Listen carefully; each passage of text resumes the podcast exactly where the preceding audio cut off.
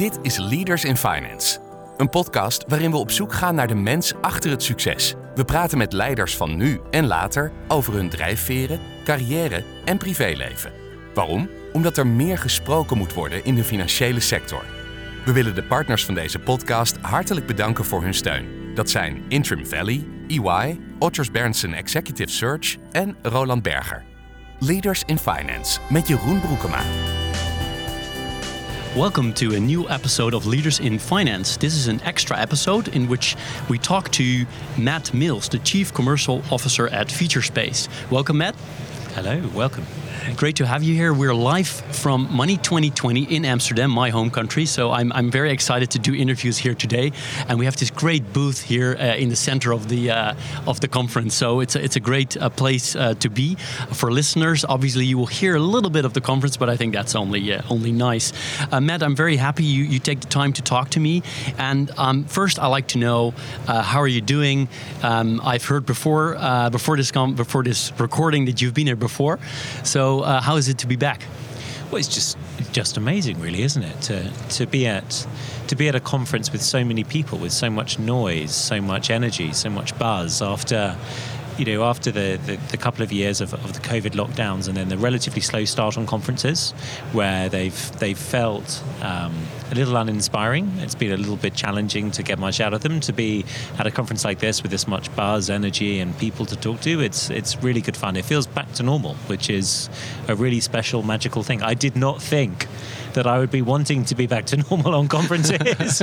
uh, but it, it, you know, now it's here. You know, it, it feels pretty special. That's great. Did you train or fly in uh, this morning or yesterday? I flew in this morning, so I was on the um, the 6:40 flight out of London, and uh, yeah, quite an early start. Uh, I annoyed my wife. I, I, went to the gym first thing, which uh, is just off our bedroom, so uh, I woke my wife up very early. But but it, it was an easy flight actually, and um, again, the, you know, the traveling also feels relatively back to normal. So yeah. these things are very exciting. Yeah. So Featurespace. So for those that have never heard of the business, uh, yeah. what are you guys doing? So F- Featurespace is a it's it's just the most the most brilliant company, and and it, it it's really successful at helping organisations get the best possible performance when it comes to fraud detection and, and stopping money laundering. So we work with some of the biggest um, banks in the world, um, the biggest companies that service banks in the world, and also lots of the most interesting fintechs in the world. And the people that come to us are the ones that really want to do it right. So, you know, what, what's amazing when you come to an event like this is there are lots and lots and lots of fraud vendors, and there is so much choice out there. Um, but if someone's really serious about having the best possible model performance, a model that will guarantee to stop scams with a very high level of detection, guarantee to stop you know, credit card fraud, payment fraud with a high level of detection, um, and also you know work with an organization that that is really known to be good to do business with, that's where Featurespace comes in. And, that's the sort of unique market that, that we've created for ourselves um, with our amazing customers. And before we dive a little bit more into the product you're offering, just a little bit more about Featurespace, how many people are working there, how many countries, and you know maybe some other facts and figures? Yeah, so we have we have a bunch of offices. So we have um, offices here in in Europe. Um, so we have two in the UK. Um, we have a team in Spain. Um, we we also have um, a large office in Atlanta, Georgia, in the US to service the, the payments customers. We're growing in Latin America, and we also have an office in Israel. A small team in Australia and a, a, growing team in Singapore. So relatively international, and our customers are all over. we there's very few continents and, and, frankly these days even countries um, in the world where we aren't processing transactions in part because of the brilliant partners that we have and with how many people do you work together, altogether, approximately? Yeah, the organization, I mean, it, by the time this podcast goes out, it will no doubt be a completely different number. So anywhere between 400 and 450, um, depending on when this podcast goes live. I think, you know, we're, we're, we'll probably be notching above 500 by the end of um, 2022. Right.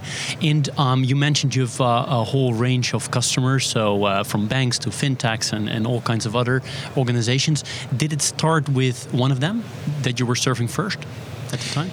Yeah, so that's that's a really brilliant question. So we we actually um, started talking to the the banks, and and you know we really thought, look, we've got this great way to solve this problem at the time, which was which was credit card fraud.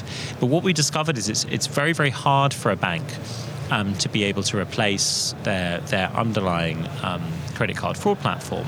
But we discovered what, what was more easy is um, the the processes that they work with um, can change or indeed have multiple scores that they can they can provide to their banks. So we, we started talking to the banks and ended up selling to the processors. So we work with some of the most amazing processors like TSYS. Um, we work with the brilliant team over at, at Marqeta. Um, in Europe, we have great um, businesses like Enfuce and Contis that, that we work really closely with. Um, and then what's great is, you know, in the same way the banks kind of helped us get into the processors, the process then processes then re-helped us get back into the banks. So um, we now work with a bunch of really amazing banks like Barclays Bank and, and NatWest and um, a, a, bunch of banks in Northern Europe that annoyingly I, I can't name, um, but, but some really big kind of household names up in this part of the world. Yeah, and so you are um, supporting all these organizations with uh, stopping fraud and anti, you know, anti-money laundering mm-hmm. solutions. It might just my words, but yeah. Um, the problem is huge, right? Because I recently interviewed Oliver Bullough, the yeah. author of Moneyland, and yeah, a new book came out, Butler to the World. You probably know, and he's describing all these massive numbers. Is that something you also see in your work? Yeah, absolutely. So what, what's interesting is fraud has moved from the the the not overly scary to the scary at, at an alarming rate. And what I mean by that is, you know, the, the lots of fraud tools are relatively good at spotting what people think of as fraud, right? So someone takes a credit card out of my pocket and they go to a local shop and they buy some low value goods. Like that that kind of thing is it's it's broadly speaking it's a solved problem. What what's not a solved problem is this uh, concept of phishing fraud or, or kind of spear phishing and, and now kind of mass spear phishing or um, these very very complex um, uh, credit master attacks where fraudsters will, will effectively take advantage of um, uh, potential gaps in underlying banking systems in order to conduct a mass fraud attack um, upon a bank or on a payments company or on a merchant. And so, as fraud has evolved from the less sophisticated to the hyper sophisticated, the, the, the banks and the processors have had to evolve their fraud fraud tools from the less sophisticated to the hyper sophisticated, and that's really where we come in. So, you know, we we have built these incredible models and this amazing platform that can run these incredible models that helps to understand the underlying nature of human behavior and then when it changes, why it's changing, so that we can spot fraud, you know, mass fraud, complex things like the credit master attacks on scam detection. And we have extremely high levels of, of detection accuracy. But the other thing that's really interesting is as well as being able to spot these things with a very high level of accuracy, you actually reduce the false positives as well. Because in order to get a legacy fraud system to, to keep up with modern day fraud attacks, you end up having to put in a lot of broad brush rules and a, a, Uh, you know a, set the thresholds at a certain level where lots of good customers are inconvenienced for no good reason. And so, you know, two things happen when you you your portfolio switches over. One is the bad stuff gets stopped, but your good customers, even if their spend patterns appear erratic, um, or their spend patterns, let's say they're a, a high net worth customer, um, are unusual, the system understands what the usual unusual is for each individual customer and is able to make much better decisions. Because um, you trigger me when you said reducing the false positives, right? Because that sounds to me, at least here in the Netherlands, becoming a bigger and bigger problem, yeah. right? Is that what you see across all the countries you, you operate in? Completely. I mean, it, one follows the other, right? Which is this this fight against the more sophisticated fraud means that you have to put better controls in place, and those better controls mean more false positives. The other balance, of course, is consumers increasingly want the fastest possible process. They want the most um, convenient checkout process or the most convenient purchasing process, and convenience always comes at a cost of um, a reduction in security. Right? The more steps you go through, the less convenient it is. So, um, for any bank or payments company that's working with us, you know, what they want to do is get that balance right. You know, they, they, they, they want it both. They want both. You know, they want to come to us and say, hey, you know, we, we want to increase our fraud detection by 70%, but we also want to reduce the false positives by 70%. Um, and, and, you know, we, we can do that. It, it's, it's, a, it's a big thing that we can do. And it's because we build these very, very accurate behavioral profiles um, that, that it allows us to achieve both at the same time. Right, makes sense. And what is the most common moment that, for example, banks, I'm particularly interested in, but fintech as well, mm-hmm. come to you? Is that when there is a problem when there is trouble, or is it really in the preventive stages where they try to prevent stuff from happening? Yeah, I look. By sadly, by virtue of the fact that we are um, not the cheapest product on the market, I, is probably the, the, nicest way I can word it.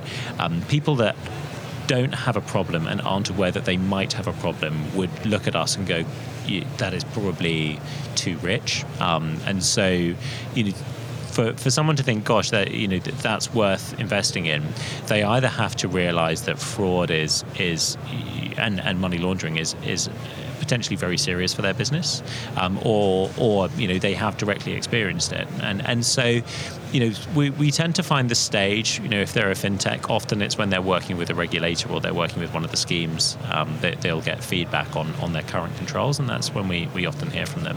Um, some of them, um, and, and some of the ones that have been real joy to work with, have spun out from big banks where they know how serious this problem can be. And so they come to us because the big bank knows us and, and you know, wants to make sure that they, they, they have the right controls in place from day one.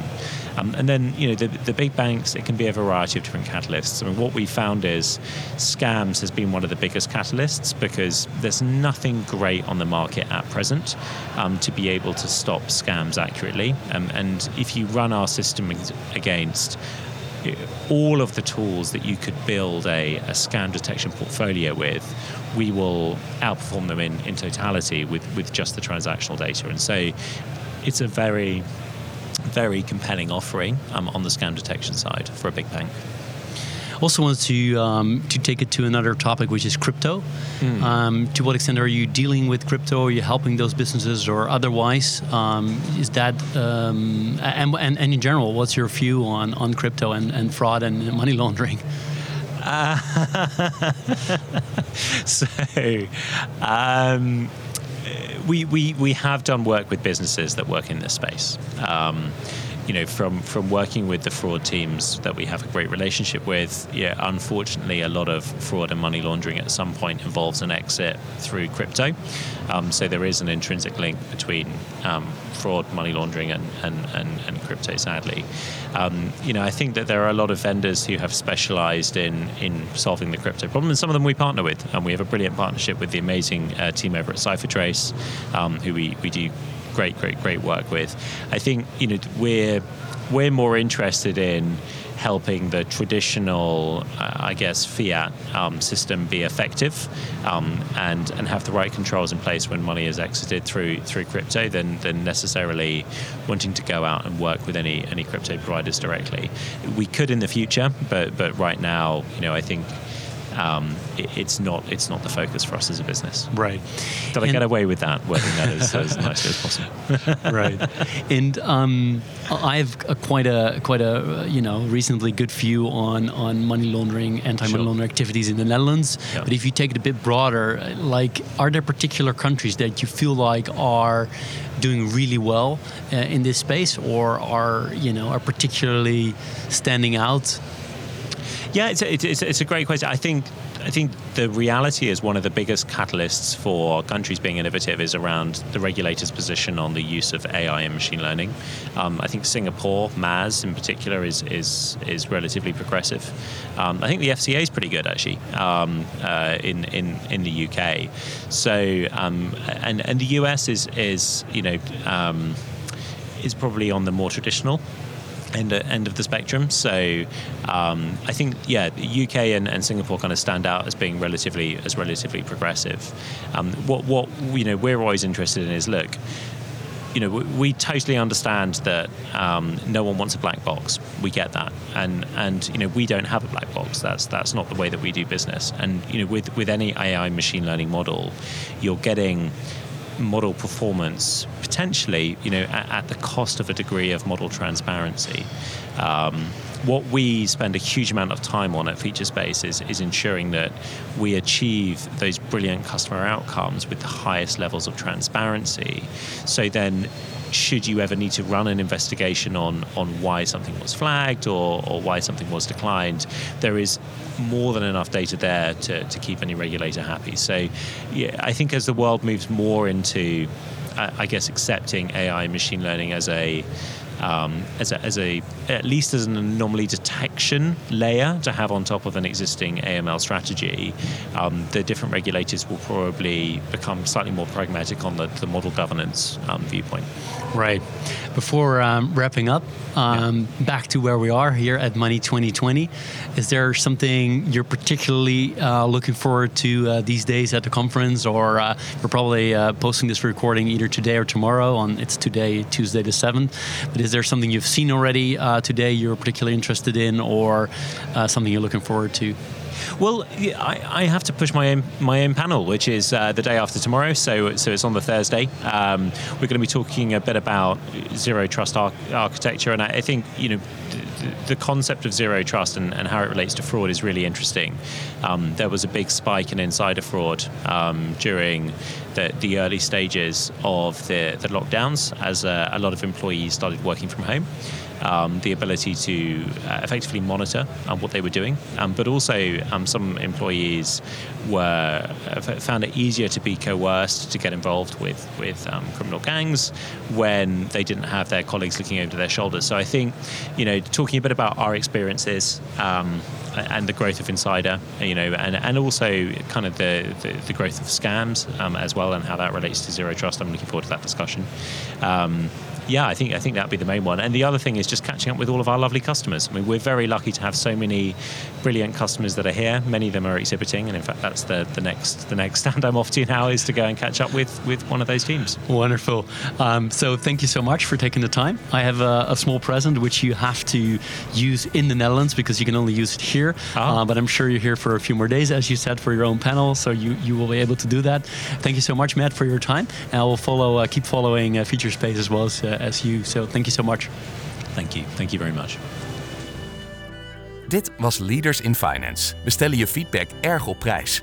Wat houdt je bezig en over wie wil je meer horen? Laat het weten via een Apple of Google review. Dat kan ook via de sociale mediakanalen of direct via een e-mail. Tot slot danken we onze partners voor hun steun. Dat zijn Interim Valley, EY, Otters Berndsen Executive Search en Roland Berger. Bedankt voor het luisteren.